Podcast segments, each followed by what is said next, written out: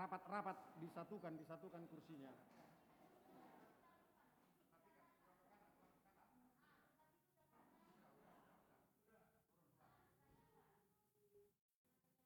Bapak Ibu keluarga mengambil tempat di sebelah kiri dan kanannya di depan.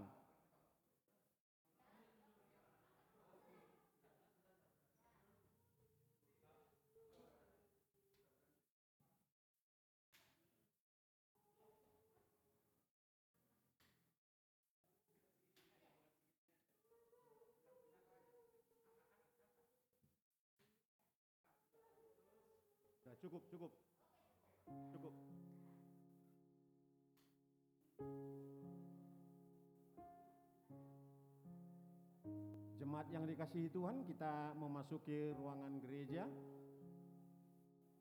Anggota keluarga mengambil tempat di sebelah kiri dan kanan. Di depan ini.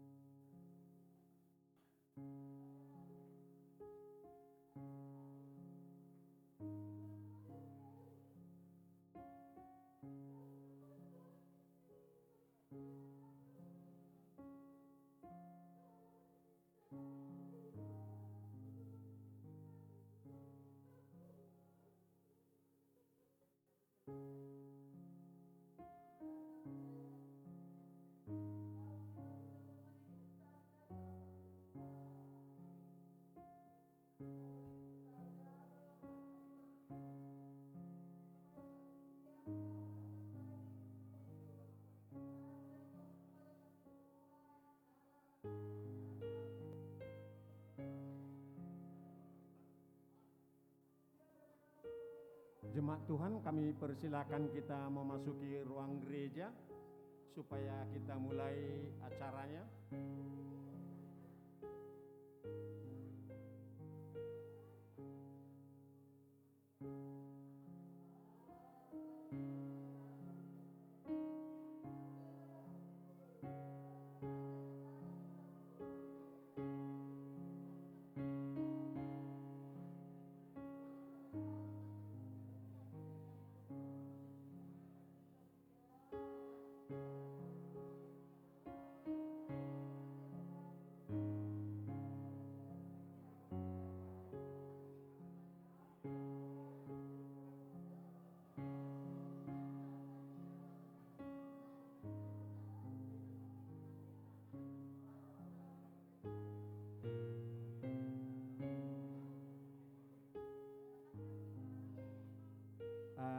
Kami minta kepada keluarga mengambil tempat.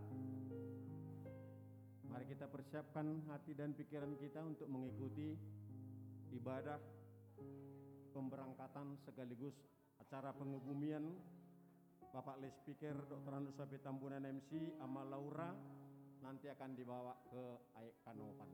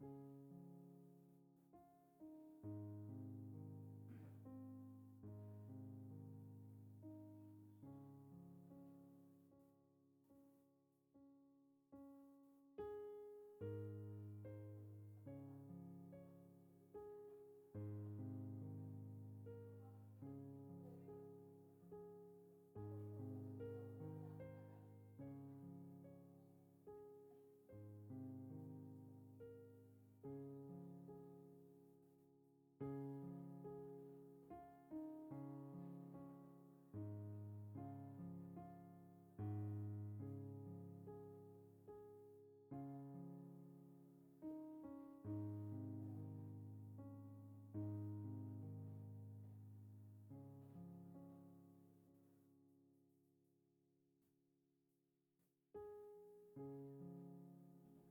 you.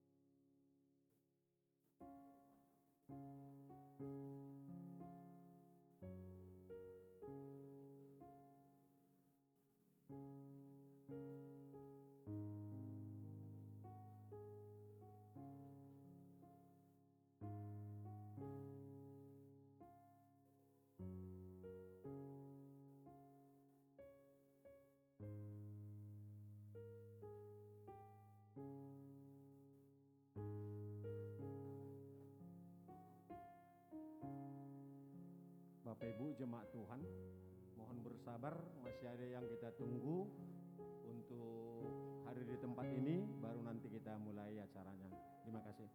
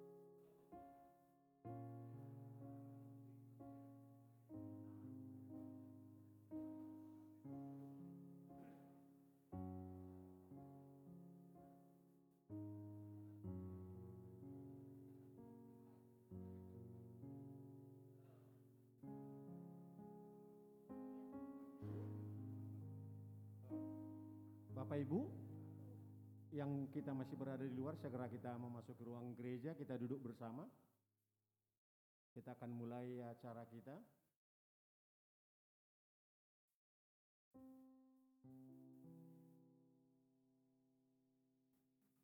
Sudah bisa kita mulai, Pak?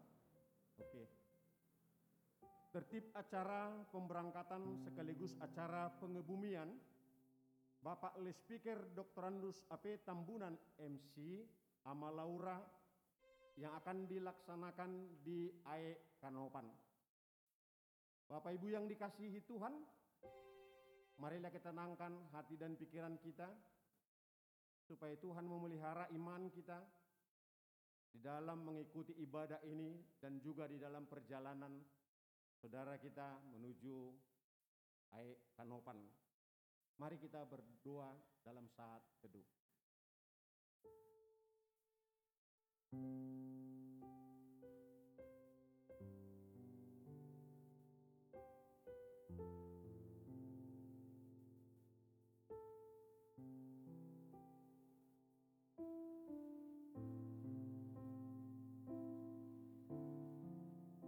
Amin. Mari kita puji Tuhan melalui nyanyian kita nomor 277 ayat 1 sampai 2.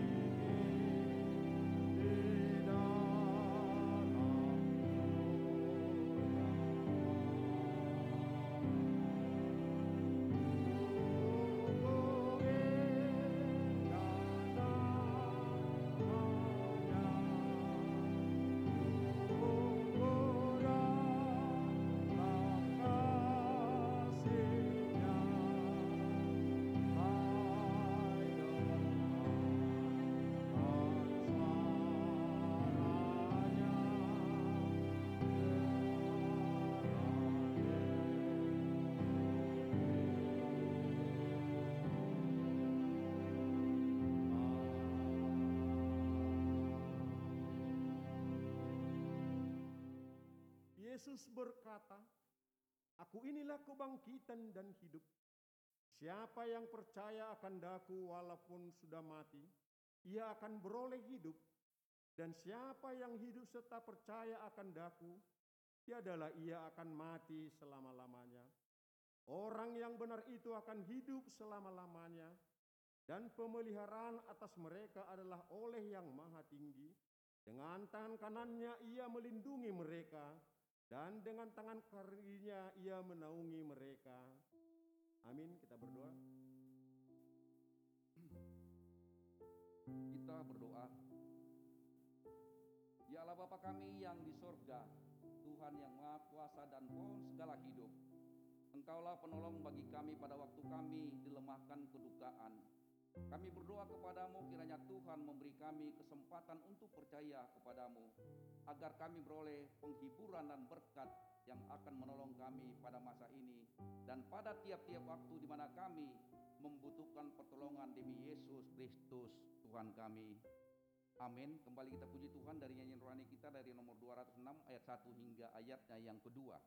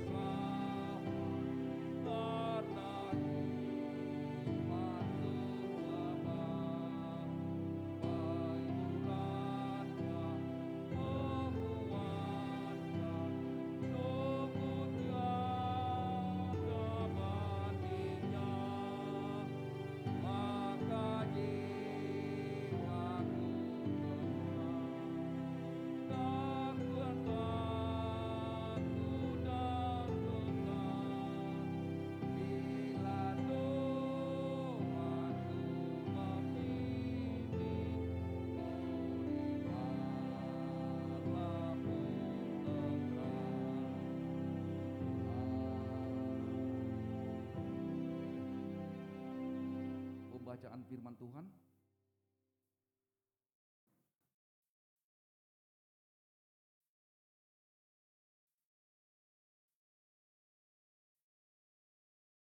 Firman Tuhan terambil dari Mazmur 23 ayat 1 sampai 6.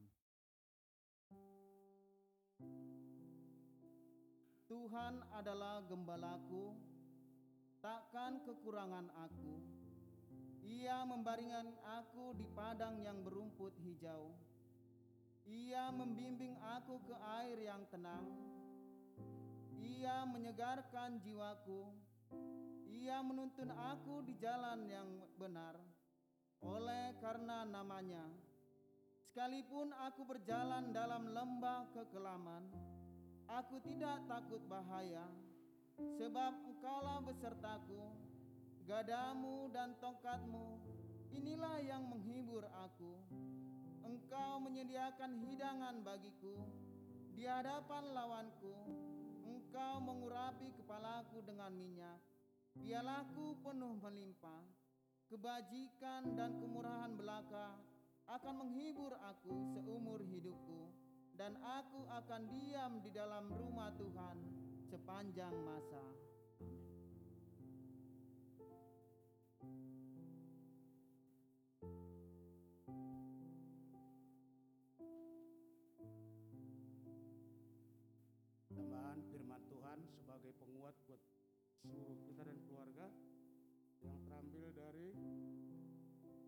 Yohanes 14 ayat 1 sampai 14 demikian firman Tuhan. Janganlah gelisah hatimu. Percayalah kepada Allah. Percaya ju, percayalah juga kepadaku. Di rumah Bapakku banyak tempat tinggal. Jika tidak demikian tentu aku mengatakannya kepadamu. Sebab aku pergi ke situ untuk menyediakan tempat bagimu. Dan apabila aku telah pergi ke situ dan telah menyediakan tempat bagimu, aku akan datang kembali dan membawa kamu ke tempatku, supaya di tempat di mana aku berada, kamu pun berada. Dan ke mana aku pergi, kamu tahu jalan ke situ. Kata Thomas kepadanya, Tuhan, kami tidak tahu ke mana engkau pergi. Jadi bagaimana kami tahu jalan ke situ? Kata Yesus kepadanya, Akulah jalan dan kebenaran dan hidup. Tidak ada seorang pun yang datang kepada Bapa kalau tidak melalui aku. Sekiranya kamu mengenal aku, pasti kamu juga mengenal Bapakku. Sekarang ini kamu mengenal dia dan kamu telah melihat dia. Kata Filipus kepadanya, Tuhan, tunjukkanlah Bapa itu kepada kami. Itu sudah cukup bagi kami. Kata Yesus kepadanya, telah sekian lama aku bersama-sama kamu Filipus, namun engkau tidak mengenal aku. Barang siapa telah me- melihat aku, ia telah melihat Bapa. Bagaimana engkau berkata, tunjukkanlah Bapa itu kepada kami. Tidak percaya ke engkau bahwa aku di dalam Bapa dan Bapa di dalam aku, apa yang akan kukatakan kepadamu, tidak aku katakan dari diriku sendiri, tetapi Bapa yang di dalam diam di dalam aku. Dialah yang melakukan pekerjaannya. Percayalah kepadaku bahwa aku di dalam Bapa dan Bapa di dalam aku. Atau setidak-tidaknya percayalah karena pekerjaan-pekerjaan itu sendiri. Aku berkata kepadamu, sesungguhnya barang siapa percaya kepadaku, ia akan melakukan juga pekerjaan-pekerjaan yang akan kulakukan, bahkan pekerjaan-pekerjaan yang lebih besar daripada itu. Sebab aku pergi kepada Bapa dan apa juga yang kau, kamu minta dalam namaku akan melakukannya supaya Bapa dipermuliakan di dalam anak. Jika kamu meminta sesuatu kepadaku dalam namaku, aku akan melakukannya. Amin.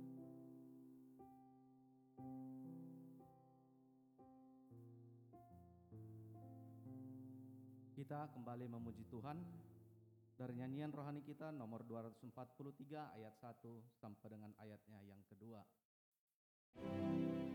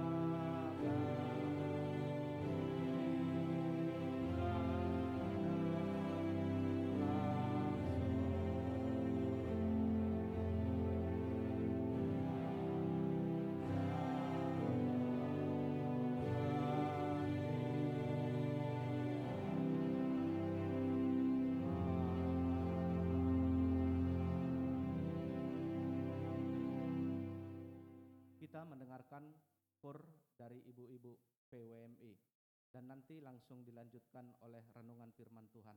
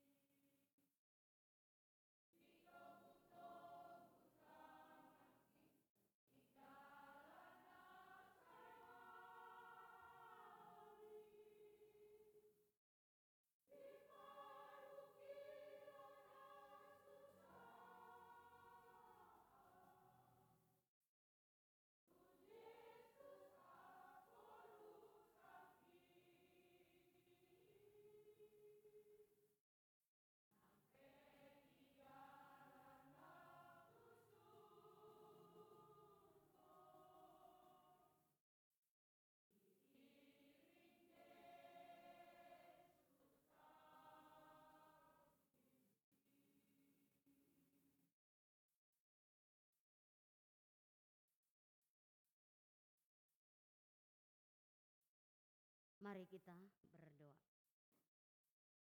Ya Bapa kami, Bapa yang terus menyertai memberkati, Bapa yang memberikan petunjuk walaupun banyak tantangan-tantangan dan cobaan yang dialami oleh anak-anak Tuhan, tapi Tuhan tetap memberikan solusi.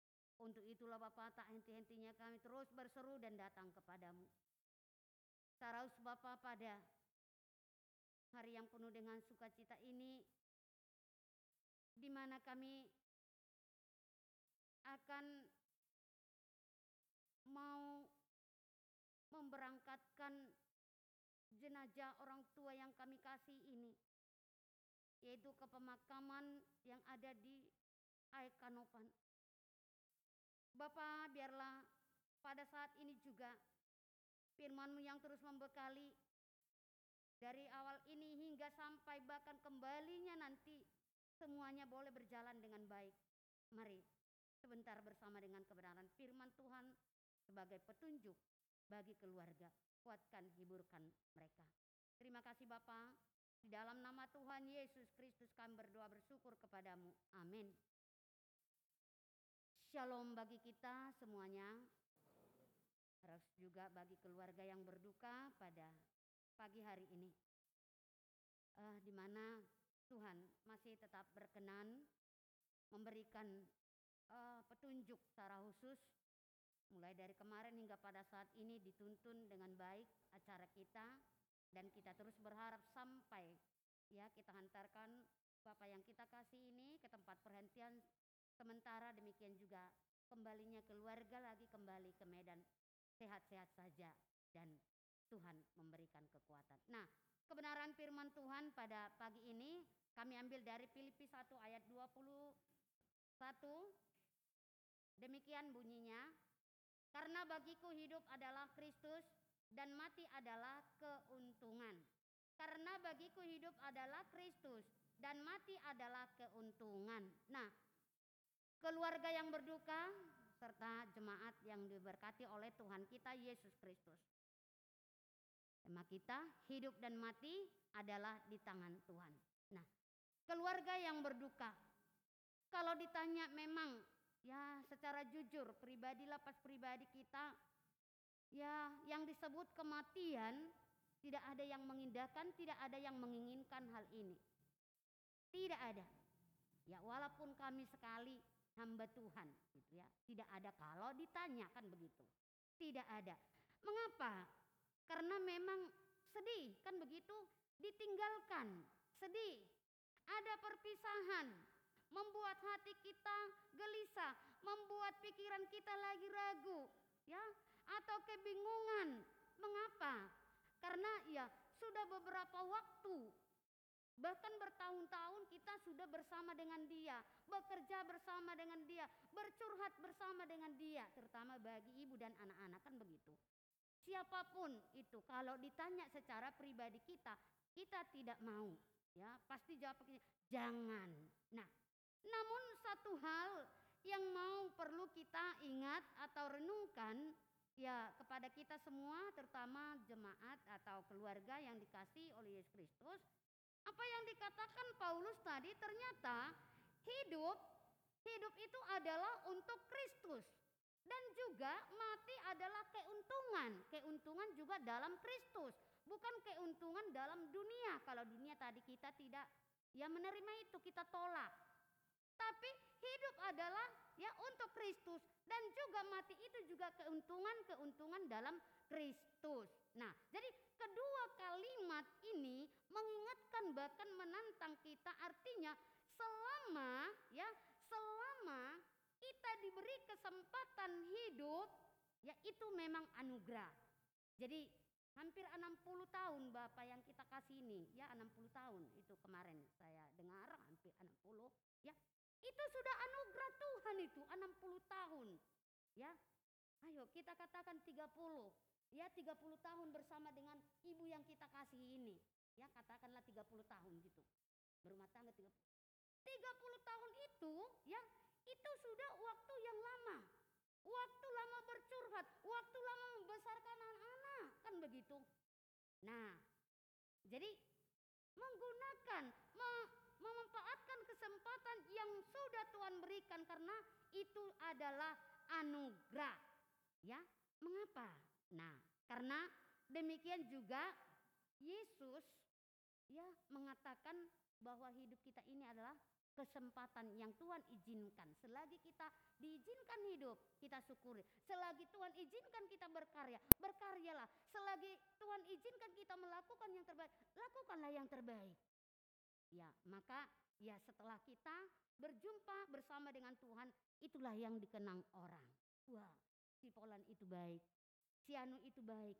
Itulah yang ku kenang, itulah yang ku ingat begitu. Nah, jemaat yang diberkati oleh Tuhan, terutama keluarga, hari ini juga mengingatkan kepada kita dengan dua kalimat tadi bahwa hidup adalah untuk Kristus, mati adalah juga untuk Kristus dan disebut keuntungan. Artinya berarti seluruh perjalanan kehidupan kita, seluruh hidup kita hanya Tuhan yang ampunnya. Berarti terserah kepada Dia kan begitu.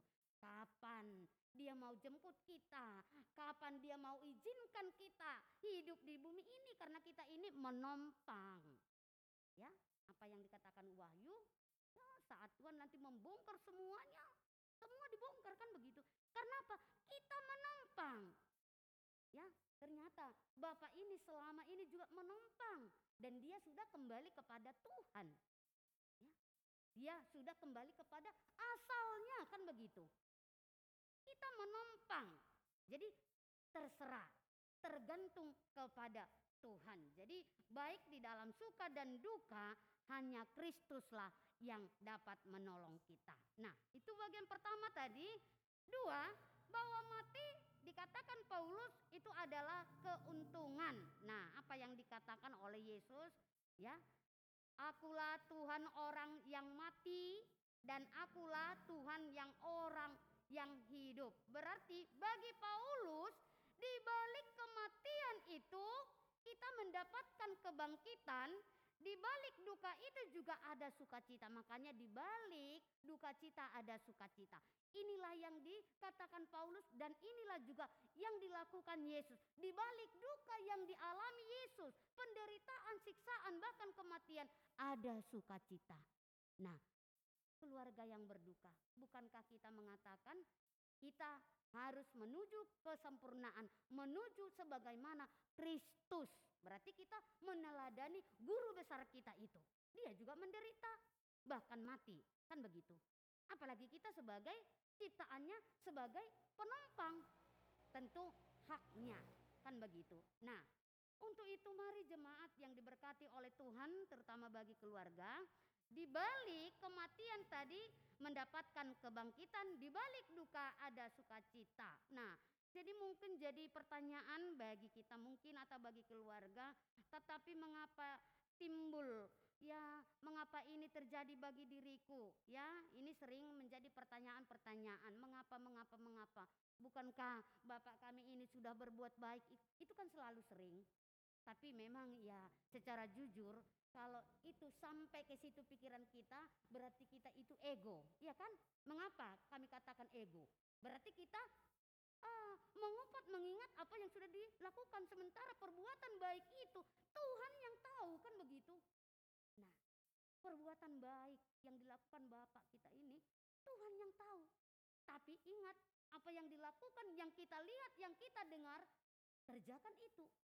Kan begitu kan pasti kita dengar. Oh ya mulai kemarin kan saya dengar. Ayang go bapak on. Nah burju. Ya. Ya ada kemarin juga mahasiswa. Bapak ini baik katanya. Kami ketemu. Ya kebetulan pernah jemaat bukan. Kami ketemu. Iya bapak ini baik. Ya. Ih kenapa kau di sini? Bilang kan. Iya ini dulu dosenku. Bapak ini baik. Nah coba. Bukankah kita bersuka cita mendengar itu kebaikan itu? Bapak ini baik. Mengapa kau ada di sini? Iya dosenku dulu. Bapak ini baik. Nah, perbuatan baiknya itu hanya Tuhan dan dirasakan orang. Kan begitu. Nah, itu yang kita kenang. Jadi kami yakin dan percaya kepada ya keluarga yang dikasihi oleh Yesus Kristus. Nah, di dalam menghadapi duka ya tidak perlu terlalu larut. Tapi mari ambil kesimpulan bahwa itulah yang terbaik sesuai dengan keputusan Tuhan di dalam kehidupan Bapak ini dan juga di dalam keluarga kita. Kita tidak bisa mengubah keputusan Tuhan. Tidak bisa mengubah keputusan Tuhan. Hanya kita minta ya terus keluarga bagaimana Tuhan dapat mengubah pikiran dan hati kita yang luka ini, yang bingung ini, yang ragu ini, yang duka ini, yang gelisah ini. Kita minta kepada Tuhan. Namun tidak bisa kita mengubah keputusan Tuhan. Mengapa dia ambil ini? Mengapa dia lebih dahulu? Mengapa aku tidak lebih dahulu? Kan banyak begitu pertanyaan-pertanyaan. Ya. Nah, jadi kebenaran firman Tuhan apa yang dikatakan Paulus tadi hidup untuk Kristus mati keuntungan dan di balik duka ada sukacita. Nah, apa yang menjadi perenungan bagi keluarga terutama bagi ibu dan anak-anak itu tadi, mari ya kita tidak bisa mengubah keputusan Tuhan, tapi mari kita minta bagaimana Tuhan dapat mengubah hati dan pikiran yang terluka ini. Ya, yang terluka, yang ragu dan bimbang ini. Sehingga kembali kepada pikiran yang positif bahwa ada hal-hal yang baik Tuhan kerjakan di dalam keluarga Tambunan. Ya, di dalam keluarga Tambunan dan di dalam keluarga Ibu Borusit Simatupang dan anak-anak. Ada rencana Tuhan yang baik. Nah, karena Kristus juga alami itu. Jadi bukan kita saja mengalami, Kristus juga menderita. Kristus juga mati. Semuanya ini juga dialami oleh guru besar kita yaitu Tuhan kita. Jadi ya keluarga yang berduka, Yesus Kristus adalah guru besar kita, ya. Semua orang ya pasti mengalami seperti apa yang dialami Bapak ini nanti. Cuman waktu kita tidak tahu. Ya, kita tidak tahu. Itu tadi. Tapi biarlah Tuhan yang dapat mengubah hati kita, ya, memberkati, melindungi kita. Hanya Tuhan. Ya, sebagaimana tadi firman Tuhan, akulah kebangkitan dan hidup. Barang siapa percaya kepadaku, ia akan hidup walaupun ia sudah mati. Karena setiap orang yang hidup dan yang mempercayai walaupun ia mati, tapi tidak mati selamanya. Bagi Tuhan itu hidup. Bagi kita mati karena kita berpisah. Tapi bagi Tuhan Bapak ini hidup. Amin. Iya, bagi Tuhan Bapak ini hidup. Bagi kita karena berpisah mati. Tapi bagi Tuhan hidup. Jadi walaupun ia sudah mati, tapi bagi orang yang percaya ia tidak mati selamanya, tetapi ia hidup. Karena sebagaimana firman Tuhan juga segala sesuatunya ada waktunya. Dan ia membuatnya indah pada waktunya. Jadi justru itu ya kita tidak dapat menyelami karya dan pekerjaan Tuhan dalam hidup kita. Kita tidak dapat. Hanya Tuhan yang dapat ya melakukan melaksanakan dalam hidup kita. Hanya kita menunggu apa kata Tuhan di dalam hidup kita ya. Jadi untuk itu keluarga yang berduka sebentar lagi ya gereja juga memberangkatkan perjalanan keluarga ke Aikanopan e, rencana di Batu Onom di Kebumikan kami sudah komunikasi dengan pendeta tadi saya sudah memberikan surat ya jalan dan ada nomor HP Bapak itu di dalam surat itu dan ada nomor HP pimpinan jemaat yang ada di sana. Kami sudah komunikasi beberapa kali. Nah, tolong nanti dikonfirmasikan dan itu komunikasi kami jangan nanti setelah dekat di sana baru dihubungi karena saya tadi eh, dengar informasi agak jauh juga dari tempat ini nang katanya ya.